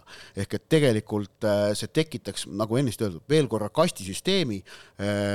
Pikas plaanis kahjuks on tõenäoline, et kõik need neli klubi on Tallinnast, kes seal mängivad mm, -hmm. mis tähendab, et ülejäänud Eestil kaob side tippjalgpalliga, noh, see muutub väga uduseks. praegu võitleme selle nimel, eks ole, et neil ei kaoks side Eesti kõrgliigaga, et see on ja. nagu minu meelest palju olulisem väljakutse, kui Veskimäe tahaks minna teist teed, siis ta oleks kogu selle jalgpalliakadeemia ja, ja staadioni ja, ja kõik, kogu selle raha oleks, oleks tampinud, tampinud rahumeeli esindusse ja toonud veel kõvemaid välismaalasi, eks ole. ja noh, ühesõnaga jah, ma ütleks selle kohta kokkuvõtvalt võib-olla niimoodi, et kui sa mainisid siin ka seda, et, et nad tahaks kõvemaid vastaseid kui sa, mis see oli, neli punkti annad ära mhm. liigast välja kukkuvale Harju Jõtka laagrile, et siis ma arvan, et need siinsed vastased on ka täitsa veel piisavalt kõvad Lätis jah, oli see probleem minu meelest, mis seal artiklis ka välja toodi, vist peast meenutan, et kas RFS oli umbes vist kuskil tagapool olevatele klubidele hooajaga loovutanud mingi kas kolm punkti või midagi niisugust või kahes mängus kuidagi kom-, komistanud. et seal võib-olla on see, see on see mure, mis meil oli mõned aastad tagasi, aga nüüd me vaatame, kuhu me nüüd oleme jõudnud, eks ole, omadega, siis äh, jah, muidugi ma tean, kohe praegu selle peale on hea öelda, no kuhu me oleme jõudnud, ükski klubi ei saanud Euroopas edasi. see oli sel aastal vaatame nüüd järgmist aastat, ootame natukene, kui see on, ütleme, kolm aastat niimoodi kestnud, siis on tagumine aeg nagu mingeid samme võib-olla teha. Teha põhjapanevaid järeldusi. ühesõnaga, sobimatu plaan, mida pole Eesti jalgpallile vaja ning äh, see, et Aivar Pohlak sellele vastu on ja ütleb, et see on halb mõte, ei tähenda, et see tegelikult oleks hea mõte, et need asjad omavahel tegelikult ei ole seoses. ja kokkuvõttes on ta ikkagi süvenedes plaan, mis tundub olevat täiesti nagu ka savijalgadel. Vot äh, siit veel savijalgadest on hea rääkida, sellepärast et Eesti jalgpallis siis juhtus ka jälle ikkagi, talv toob meile neid asju, et kui on äh, tippliigades litsenseerimine ja, ja on meil klubisid, kes tahaksid kõrget jalgpalli mängida, siis nüüd saime siis jälle ühe klubi, kes ei saa litsentsi, ei ole suuteline no,. Maardu linnameeskond. Nad ei tahtnud ju. Nad ei tahtnud jah ma ütleks, see selles mõttes väga õigesti öeldud, et, et kui sa, kui sa ei lähe, klubi juhtkonnast kaks inimest ei lähe litsenseerimisele kohale, kui sa saadad dokumendid hiljem, siis nagu argument on see, et ei, aga me siis ju saatsime, seitseteist päeva hiljem. palun näita, ükskõik mis valdkonnas või ametis, kus sul on, ma ei tea, mingid riigihanked, mingid asjad, sa ütled, et aa, ma ei saatnud äh, umbes, et aga no, aga miks, aga miks, miks ei võetud vastu pärast nagu, miks, ma, ma ei lähe tööintervjuule näiteks, ma ei no, lähe kohale jalgpallis teatavasti noh, kellaaegadest tähtaegadest peetakse kinni niimoodi, et kui sul ülemineku registreerimine jääb kakskümmend sekundit hiljaks pärast südaööd, siis ja. sul on perses. kui sul faks ei tööta, siis on hambad, viisakalt öeldes. ka väga suurtel klubidel on juhtunud seda. ja ongi, ja nii ongi lihtsalt ja, ja me ei räägi praegu siin sellest, et oli mingi üks või, või mingi selline asi, et, et noh, minuni jõudis ka mingi väga, minu jaoks väga arusaamatu nagu etteheide, et aga mis on üldse Jalgpalliliidu asi, et et, et kas, kas klubil on peatreeneriga leping sõlmitud või mitte, no võib-olla eraldi võttes see ei ole nüüd tingimata, kui sa ütled, et jaa, et vot näed, meil eelmine peatreener läks ära, uus on tulekul, meil praegu ei ole, meil ei ole veel lepingut, selle, nende asjade mõte on ju see, et äh, klubide struktuur ja ülesehitus oleks normaalne, läbipaistev, see on, see on see on jalgpalliliidu, see on jalgpalliliidu asi kuidas sulle põhjusel? meeldib öelda elementaarse hügieeni osa vist? jah, see on jalgpalliliidu asi põhjusel, et Eesti jalgpallis on vastavad reeglid kokku lepitud ja kui jalgpalli sees Jalgpalliliidu liikmete poolt on äh, Äh, heaks kiidetud äh, juhatus, kes on vastavad reeglid kehtestanud, siis see on tegelikult Eesti jalgpalli sisene kokkulepe, et neist tuleb äh, kinni pidada, et tagada meie just nimelt elementaarne hügieen. kusjuures nagu sinuga vist seda asja arutades, sina vist ütlesid nagu seda, et, et aga, et kui need reeglid, okei okay,, et need reeglid, nõus, ongi ranged, ongi ranged, kui sa vaatad, eks ole, mis kõik peab sul olemas olema selleks, ongi ranged. aga et kui need käivad sulle üle jõu, siis tuleb mängida madalamat liigat ei, nii no, lihtne ongi. selles mõttes jah, et see nii lihtne ongi ja, ja selles mõttes, et ka, et Maardust nüüd nagu kuskile jalgpalli ei öeldud, et pange oma võistkond kinni, nagu Maardu jalgpall püsib edasi kui te ei suuda panna kokku kõrgliiga tasemel võistkonda, see on umbes seesama, et kui ma ei suuda leida mängijaid, kes oleksid mul nõus tulema mängima, sellepärast et mul ei ole raha, siis mul ei ole mõtet minna nutma umbes, et, et näed, ma tahaks kõrgli-, kõrgemas liigas mängida, aga umbes, et äh, mängijad ei lase või midagi sellist, see on praegu ju samasugune täpselt nagu, et umbes alaliit ei, ei lase, teil on meie vastu midagi, ei, teie vastu ei ole kellelgi midagi. Aga klubi, kes on, äh, ma ütleksin, äh, noh, aastaid juba, väga mitu aastat, mida seal ka president Maksim Grivošein ütles umbes, et aga meil on igal aastal olnud puudujäägid, varem on küll nagu vastu võetud, siis on varem teile tuldudki vastu lihtsalt, kui te aasta-aastalt sama reha otsa jooksete, siis vabandust, muhk hakkab kasvama otsa ees, võiks aru saada ei selles mõttes see, siin. no ongi. selles mõttes on see olukord jah, nagu nutt ja hala see on. natukene nagu äh, pentsik olukord jah, et, et meil on kõik asjad tegemata, aga näe, vot ei kohale ei läinud. Jah, aga miks meid kotitakse? nagu, kui sa, kui sa nagu, ma, ma saan aru, et nagu sa ei lähe litsentsi kaitsmisele kohale, no kuidas sa loodad, et sa saad selle litsentsi siis? kas, kas sa ei lähe töövestlusele kohale, mis sa siis loodad, et sulle helistatakse, et tule ikka, tead tundub, et sa oled nagu äge vend, tule ikka tegelikult. või siis, või siis noh, see, seesama, see, see, see meil oli, meil oli teine mees, kellel olid kõik avaldused ja kõik asjad, ta tuli kohale, andis, rääkisime ja kõik, eks ole, nüüd oli ka umbes see, et see koht anti nüüd juba ühele teisele klubile, kui neil olid asjad korras ja teil ei olnud, nemad olid nimekirjas järgmised, muidugi antakse neile, noh. laskesuusast räägime, seal oli ka see, et, et kui üks mees haigeks jäi, siis on nimekiri olemas, sealt võetakse järgmine varuvõistleja, eks ole no,, saab tema peale. no ja laskesuusas ka, et kui Tuuli Tomingal on äh, Äh, Suusk toetab mingi kepi, kepi rihma peale, siis sa oled, võetakse maha reeglid. ma toon siin selle näite, et seda on ka juhtunud, et kui sa nagu unustad salve maha ja siis tiirus avastad, et kuule, polegi, siis ei tule keegi sulle umbes, et kuule, ole, võta ikka need padrunid nagu, eks ole. pane nendega. anname jälle andeks. et ja kui no. sa nagu aastast aastasse sama reha otsa jooksed kogu aeg, kui sul on ikkagi olnud nagu ütleme, su viimane kõrgliiga hooaeg, lõppes ka, jah, võime rääkida küll, meid ei ole kuskil süüdi mõistetud nii ja naa, no vabandust, noh räägime nüüd kõik teavad, mis juhtus. kõik teavad, mis juhtus, jah, ütleme siis otse välja. mis, mis on veel, on siin see, et kui siin mõni, mõni ütleb, et, et mis see jalgpalliliidu asi on, et kas sul on treeneril leping või nii ja naa, noh, mis jalgpalliliidu asi on, miks sul mängijatega lepingud on, miks, miks vahet seal, mis üleminekud, miks ülemineku aken peab olema mingi tähtajal, noh, mängi kellega tahad, tol päeval kellega tahad ja savi, no mis see, aga, aga noh, kuulge, jah, nii võibki teha, aga selle jaoks on rahvaliiga loodud. siis sa tead, eks. selle jaoks on rahvaliiga loodud, et eh, kui me räägime siis mingi tõsiselt töötavast tippjalgpallist ja mingid asjadest, siis on nagu mingisugused elementaarsed asjad peaks miks meil, nagu miks meil on, miks meil on see nõue, et treeneril peab olema noh, eks pro-litsents või siis omandamisel, eks ole, et, et muidu on mingi Teet Lasso lihtsalt. et, et muidugi võidki, jah, võt-, võidki võtta suvalise venna sinna, aga siis on rahvaliiga. siis ei ole tippliigad enam. nii ongi lihtsalt. okei okay,, mis rahvaliiga, noh, mängidki seal teist liigat, tore, tubli. see on väga ka vajalik tasand, eks ole, ja annad, pakute seal konkurentsi. ma saan aru, et te panite omal, kusjuures minu jaoks on nagu see ka jabur, et teil oli tegelikult, kui vaadata neid taliturniiri koosseise, Maardul oli väga korralik koosseis koos no,. vot, vot, vot see ongi nüüd. Eh, minul on kahju nendest mängijatest, sest seal on, seal on vendi, kes võiksid mängida kindlasti esiliigas, mitte esiliiga B-s, kuhu Maardu oleks nüüd kvalifitseerinud, vaid kõrgemal. kes võiksid premium-liigas mängida. premium-liigas, okei okay,, see on nende valik, nad ei taha enam ilmselt, eks ole, ka nagu premium-liigas. mis see olukord oli, väga ambitsioonikas projekt, eh, väga palju häid jalgpallureid kokku koondatud ja no mis seal salata, ega seal olidki mingitel jalgpalluritel olid juba tasud ka peal ja, ja, ja noh, nii-öelda selles mõttes, et saadki raha seal esiliiga B-s mängimise eest. väga no, aus. ei, oota, aga nüüd aru, sa suudad omale sebida kokku mängijad, et maksta neile juba seal Eesti tugevas kolmandas liigas raha. no mis su asi on sul treeneriga see leping ära teha, noh? no seal oli vist huumoriargument. vaja töötu abirahasid saada, no kuule, come on no,. huumoriargument jah, et kui nende pealt maha võtame, siis äh, mis ma küsiks, oota, no, mis ma küsiks, oota, et mis palka te tahtsite, mis palka te tahtsite siis peatreenerile maksta, kui nagu nagu töötu abiraha hoida oli mõistlikum kui palka maksta. ah, see noh, see on ühesõnaga, see läheb huumori mis jutt see on? ja, ja nüüd me jõuamegi täpselt sellele, et vabandust, mingit mõistmist ju ka vabandust, mis kultuuriruumis me nagu elame, on ju, et, et noh, see, see aeg on edasi läinud. võib-olla niimoodi sai kunagi üheksakümnendate alguses võis niimoodi võistkonda kõrgliigas üleval pidada või või ütleme siis noh, Eestis jalkaliit nimetab, eks ole, just peamiselt minu meelest selle litsenseerimisprotsessi tõttu no, nimetab neid just nimelt tippliigadeks, eks ole. no see ongi teisest liigast on harrastusjalgpall ja seal on jah, premium-liiga, esiliiga, esiliiga B, eks. ja kui sa tahad nagu nendele nõuetele vastata, siis need tuleb täita lihtsalt äh, täht-, tähtajaks, mitte kunagi hiljem ja võib-olla üldse mitte, eks ole, ja mine kohale. kõige lihtsam, mine vähemalt kohale ja seleta, miks sa ei ole midagi teha saanud jah, noh, meil siin äh, muid asju ka nädala jooksul toimunud natukene seal siit-sealt on jälle mängiti jalgpalli äh,.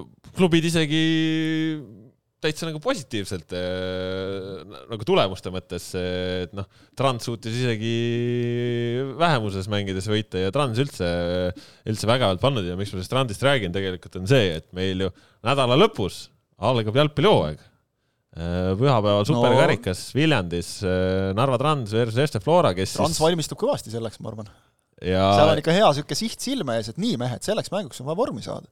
ja Flora valmistub ka siis, Flora valmistus sedasi, et kui siin vahepeal on palju juttu olnud, siis äh, nädalavahetusel panid Vaprusele kolm-null ja äh, neile endale väga oluline. lihtsalt puht nagu vaimses plaanis, et natuke jalad maha saada, et äh, noh, kulus ära, ma arvan mm. -hmm aga ega seal muud ei ole nagu midagi põhjapanevat, aga, aga Florale oli see, see praegu vajalik, aga Trans on, on lükanud mitte nüüd see, et, et suva need tulemused, eks ole, aga aga nagu ägedat jalkat mängitakse olukorras, kus nad siis on põhimõtteliselt ainukene premium-liiga klubi, kes ei ole saanud äh, nagu oma igapäevases kodukohas nagu korralikult hallis trenni teha. Nüüd lähevad Haapsallu, eks ole, aga et, et noh, sisuliselt nad seda suurt mängu on saanud harjutada nagu mängudes mm -hmm. reaalselt mingi sutsaka nad tegid vist ka Viljandisse, eks ole, korraks ja, ja noh, mingid, aga noh, see on selline, et lähme paariks päevaks võib-olla. ei no Viljandis mingi... nad käisid enne, kui nad Lätti läksid, tegid ühe trenni lihtsalt seal. nojah, just. et noh, see nagu ei loe, eks ole, see üks-kaks trenni. aga eks nad nüüd Haapsalus saavad veel lihvida ja noh, peaasi, et nüüd üle ei lihvi, eks ole, aga et eh, mina oma silmaga näinud, eh, kolleeg ütles siin, et eh, Aleksei Remenko on nagu märkimisväärselt heas tujus mängude järel ta on muidu ka selline mõnus mees, aga, aga kuidagi nagu eriti tal ei ole seda pinget peal tegelikult peaaegu kunagi olnud, et noh, et, et seda küll. Eh, noh, selles mõttes pinge on, et ta, ta tahab võita, aga no, see on see, mille sa ise paned endale. jah, jah, jah. aga, aga noh, tal on see, et tal seda survet ei ole. jaa, välist survet ta nagu ja. väga ei tunneta. tal on sellist kapatsiteeti on piisavalt all. jah presents sealhulgas ka finantsilist, mis, mis ilmselt tähendab seda, et noh, et see no selles mõttes, noh, sa oled Aleksei Jeremenko, sul on mingi staatus, vaata, sa ei pea ja. nagu pabistama ja muretsema. jah, et tema kaliibriga treener, noh, ilmselt kui ka homme päevapealt nagu transist on minek, mis iganes põhjusel, siis ta leiaks tööd. ta leiaks tööd küll, et äh, isegi minu meelest nüüd, kui ta siin tagasi läks isiklikel põhjustel Soome, siis ta kuskil mingi noortetreenerina vist oli, sellega mul jäi mul nagu silma, et, et midagi, midagi ta natuke tegi, et, et noh, midagi natuke, sa oled endale jalgpallimaailmas nime teinud, et mina, me Eestis vist päris hästi, vaata tema need sutsakad siin Eestis on ka olnud sellised, et erinevatel põhjustel ei ole nagu sujunud, et noh, eelmisel aastal ka ju loodeti umbes, et kui ta nüüd tagasi tuli, eks ole, et noh, nüüd Trans hakkab panema ja tegelikult ei tulnud sealt nagu midagi eriti. aga see ei olnud ju ka tema meeskond see ei olnud tema komplekteeritud meeskond ja, ja, ja nüüd ta on saanud natuke rohkem enda käe järgi sättida ja ja no,, ja mulle tundub, et Jürgen Hennil polnud kunagi oma no, komplekteeritud meeskonda seda ka, jah, muidugi. vaene Jürgen Henn ei tulnud midagi välja ka eriti sellepärast, eks ole. ei, loomulikult see ei ole nüüd mingi vabandus, eks ole, aga aga et noh, see on jalgpallimaailmas normaalne, et sa tuled poole hooaja pealt ja pead kuidagi hakkama saama või eelmisest treenerist on ikka mingid mängijad. ei, selles mõttes, aga sul just läheb aega, et kohaneda. kuidagi ta praegu on nagu saanud, mulle tundub, mingisuguse oma käe järgi mingi, mingi valiku seal ja, ja et sul on ikkagi olemas äh, Zakaria Beglaršvili näol nagu selline mees, kes noh, on Eesti jalgpalli mõistes kõike näinud, kõike teinud et see on, see on kõva asi. Ja, ja üldse kuidagi nagu näha on ka, et, et see mingi sisekliima ja kõik see tundub seal nagu paigas olevat. Ja, ja seda kunagi ei tea, sul vahel ka lihtsalt klapivad inimesed niimoodi kokku, et, et seal tekib see selline hea keemia nagu. Et, äh, et näis, ootame nüüd muidugi ära need päris mängud, siis no superkarikas kaksteist kolmkümmend pühapäeval Sokenet tv otse-eetris ja, ja ootame selle ära ja siis ootame ära, kui liiga hakkab ja siis vaatame edasi. Aga kui selle... Trans lükkab viis-null Florale, siis me ei tee sellest suuri järeldusi. ei, aga selles mõttes nagu, nagu hästi põnev seis just on, ongi, et nagu Trans on täiesti uue näoga, onju, samas nagu väga sümpaatselt talvel seni esinenud, Floral on olnud raske ja ka uus nägu, onju, et see selles, noh, et, et tekib jah, nagu mingisugune intriig sinna sellele superkarikale, et ütleme, et kui, kui oleks eelmise aasta Trans ja, ja eelmise aasta Flora, noh, et siis see oleks no, nagu sihuke jah, või isegi kui me läheksime praegu näiteks. kuigi kui me mõtleme karikafinaalile tagasi, on ju, noh, et siis seal ju oli väga. ausalt, minu jaoks isegi oleks see, kui see oleks järjekordne Flora Levadia, siis noh, noh, tore, vaataks ikka mm. -hmm. aga nagu võib-olla isegi kõnetaks vähem natuke nagu praegu okei okay,, see Flora seis annab juurde ka muidugi, eks ole, et, et seal on, on mida yeah. vaadata. eelmine aga... Trans-Flora superkõrgus oli see, mis Narvas mängiti yeah.. Yeah. ja seal oli väga, see oli, no see oli vaata see, kaks nädalat hiljem läks kõik kinni, on ju, koroonaga yeah. seoses, aga, aga ma mäletan, toona see mäng oli väga selline äge äh, seal Narva koolilapsed laulsid kõik hümni ja, ja kogu noh, oli ka sportlikku no, pinget, Erik Sorga lõpuks oli ka ei olnud, minu meelest, ei, minu meelest ei olnud Kersti Kaljulaid toona kohal ta oli mingil muul mängul. jaa, mingil muul oli, jah. või? ühesõnaga, see, see oli Narva jaoks oli sündmus. sellepärast oli oluline mäng, suur mäng. ja nüüd siis esim-, ajaloo esimene superjärjeks mängitakse, ei ole ajaloo esimene, varem Lillekoos on ka mängitud, hallis. Levadiaga millalgi, Levadia Flora mängisid seal nojah, aga igatahes vaikselt, vaikselt kerib ja noh, kui sa siin seda mainid, seda uue hooaja algust äh,, täna alustame ka Sokkerneti hooaja eelvaadetega ja noh, kuna siin, sind puudutav teema natukene, et ja, siis no, ma küsin ära selle ühe kuulaja küsimuse, et kas Nõmme United teeb FC Florale hooaja esimeses mängus ära mm,? jah, lihtne küsimus. kui ma nüüd ütlen äh, ei. kas küsimus olen... jah-ei vastus, see on väga lihtne. kui ma ütlen ei, siis ma olen egoistlik ilmselt äh,. On... ei, võib teha küll, vabalt võib teha. aga meil on olnud ju see, et kaua meil on olnud see, et esimene mäng on tiitlikaitsja versus uustulnuk? ikka on, küll on see, tiitlikaitse mängib alati esimese mängu, aga ja viimast, oli... viimastel aastatel on tehtud see, et ta mängib ka uustulnuka vastu. Flora mängis Leegioniga, ma mäletan, oli esimene Flora, voor, eelmisel aastal oli kindlasti Harjuga, eks ju, jah. Flora Laagri. eelmisel aastal oli see kindlasti. Ähm, kas Levadia mängis äh... aga kusjuures seal, seal on, ütleme, et ametlikult, ametlikult on see niimoodi, et äh, ülemine pool mängib tabeli tagumise poolega. on läinud sedasi, et on, on täitsa kogemata, jah. aga noh, meil on siin ka mingeid aastaid, kus nagu polegi nagu varianti ole. millal oli viimane kord, kui selles esimeses mängus äh, tiitlikaitsja ei võitnud? sellist asja mõtled? Peast ei ütle. vot seda peast ei suuda öelda.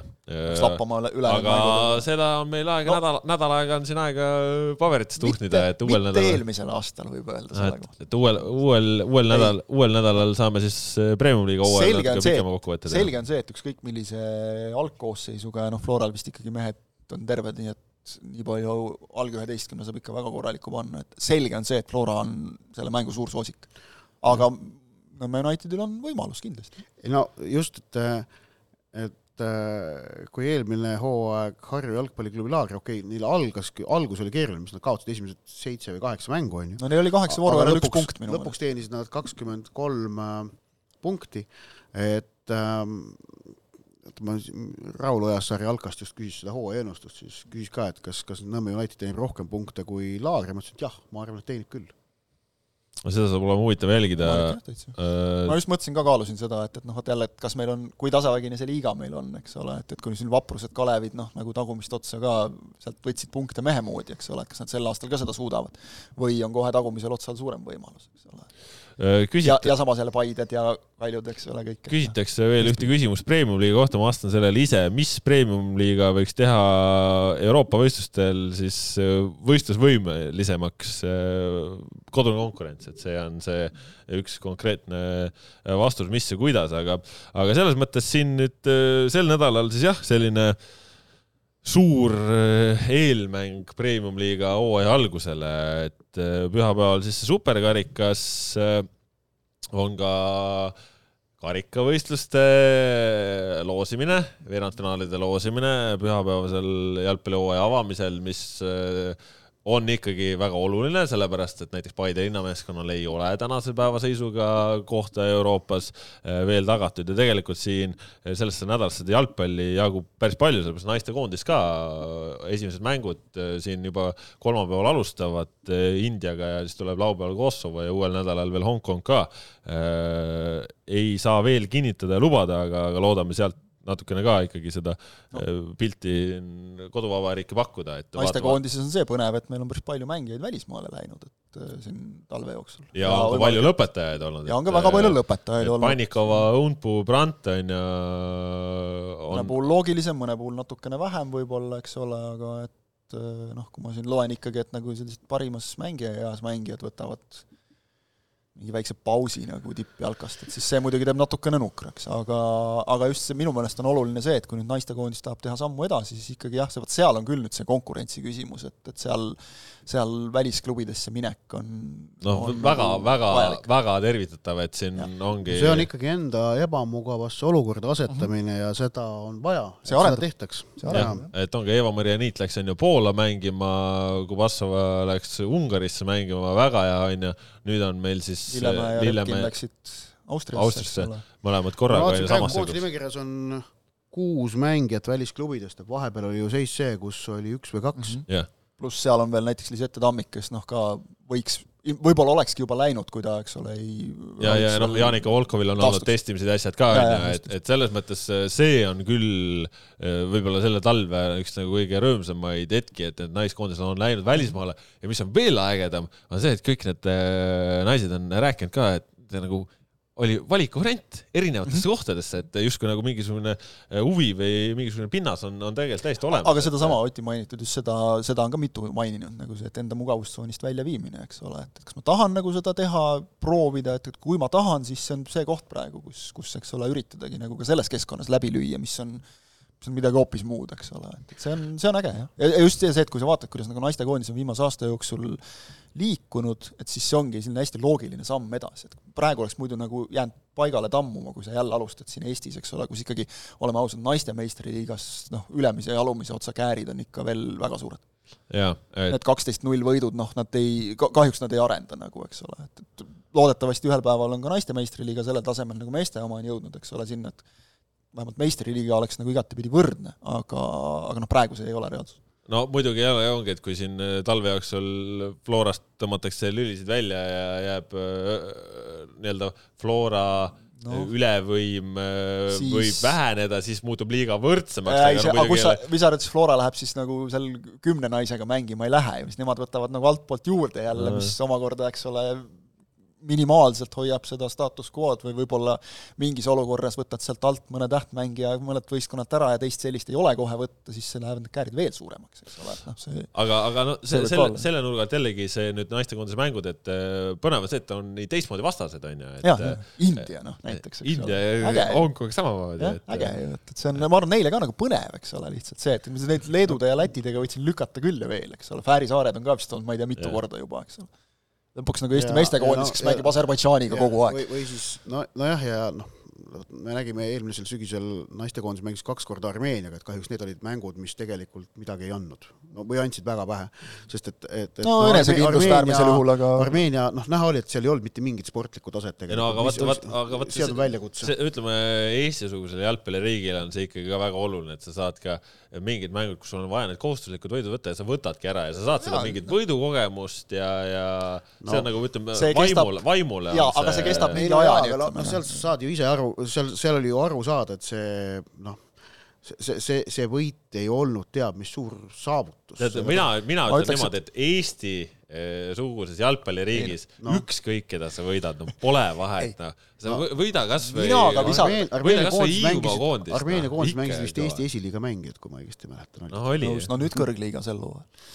Aga ei no, Noh, ninaga visa- ninaga viskamise seal- koht ei ole nii või naa, aga mida Ott ütles, just see areng, eks ole, et, et noh, see on okei okay,, võib-olla sul vahel mõni selline mäng kulub muidugi ka ära, eks ole, aga, aga arened sa ikkagi kas või ütleme seal Kasahstani ja selliste mängudega. no tugevamates et ühes- arened, et ühes miks Kosovo, Kosovo on teada. Kosovoga mängib, Kosovo on noh, väga paslik vastane, loodetavasti India ja Hongkong on enam-vähem samas kastis. no India arvas, et äh, Sirgap et on, et kõige tugevam. jah, jah, jah, ja, ja tõsi on jah, sellega muidugi väga nõus, et natuke nüüd seda erinevat jalgpallikultuuri kogeda, et noh, antud juhul siis Aasia et see kahtlemata no mõjub, see mõjub, et hästi. kas või see, et sul on vastane, eks ole, kelle vastu sa lähed väljakule, nii et sa päris täpselt ei tea, mida nad teevad ja sa pead kohanema, eks ole, see annab minu meelest noh, nagu arendab mängijat meeletult, eks ole, seda, seda ei saa treener sulle ette ära teha, eks ole.